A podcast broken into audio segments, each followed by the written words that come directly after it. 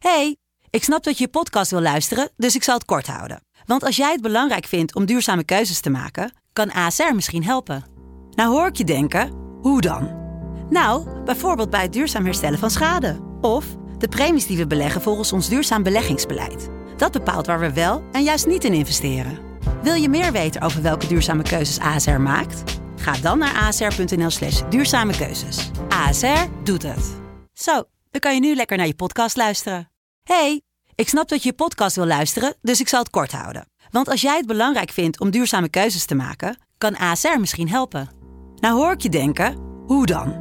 Nou, bijvoorbeeld bij het duurzaam herstellen van schade. Of de premies die we beleggen volgens ons duurzaam beleggingsbeleid. Dat bepaalt waar we wel en juist niet in investeren.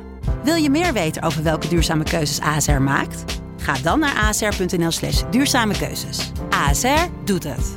Zo, dan kan je nu lekker naar je podcast luisteren. De stroom. Soms moet je opstaan om je over te geven. Soms is de beste manier om te strijden om te blijven liggen.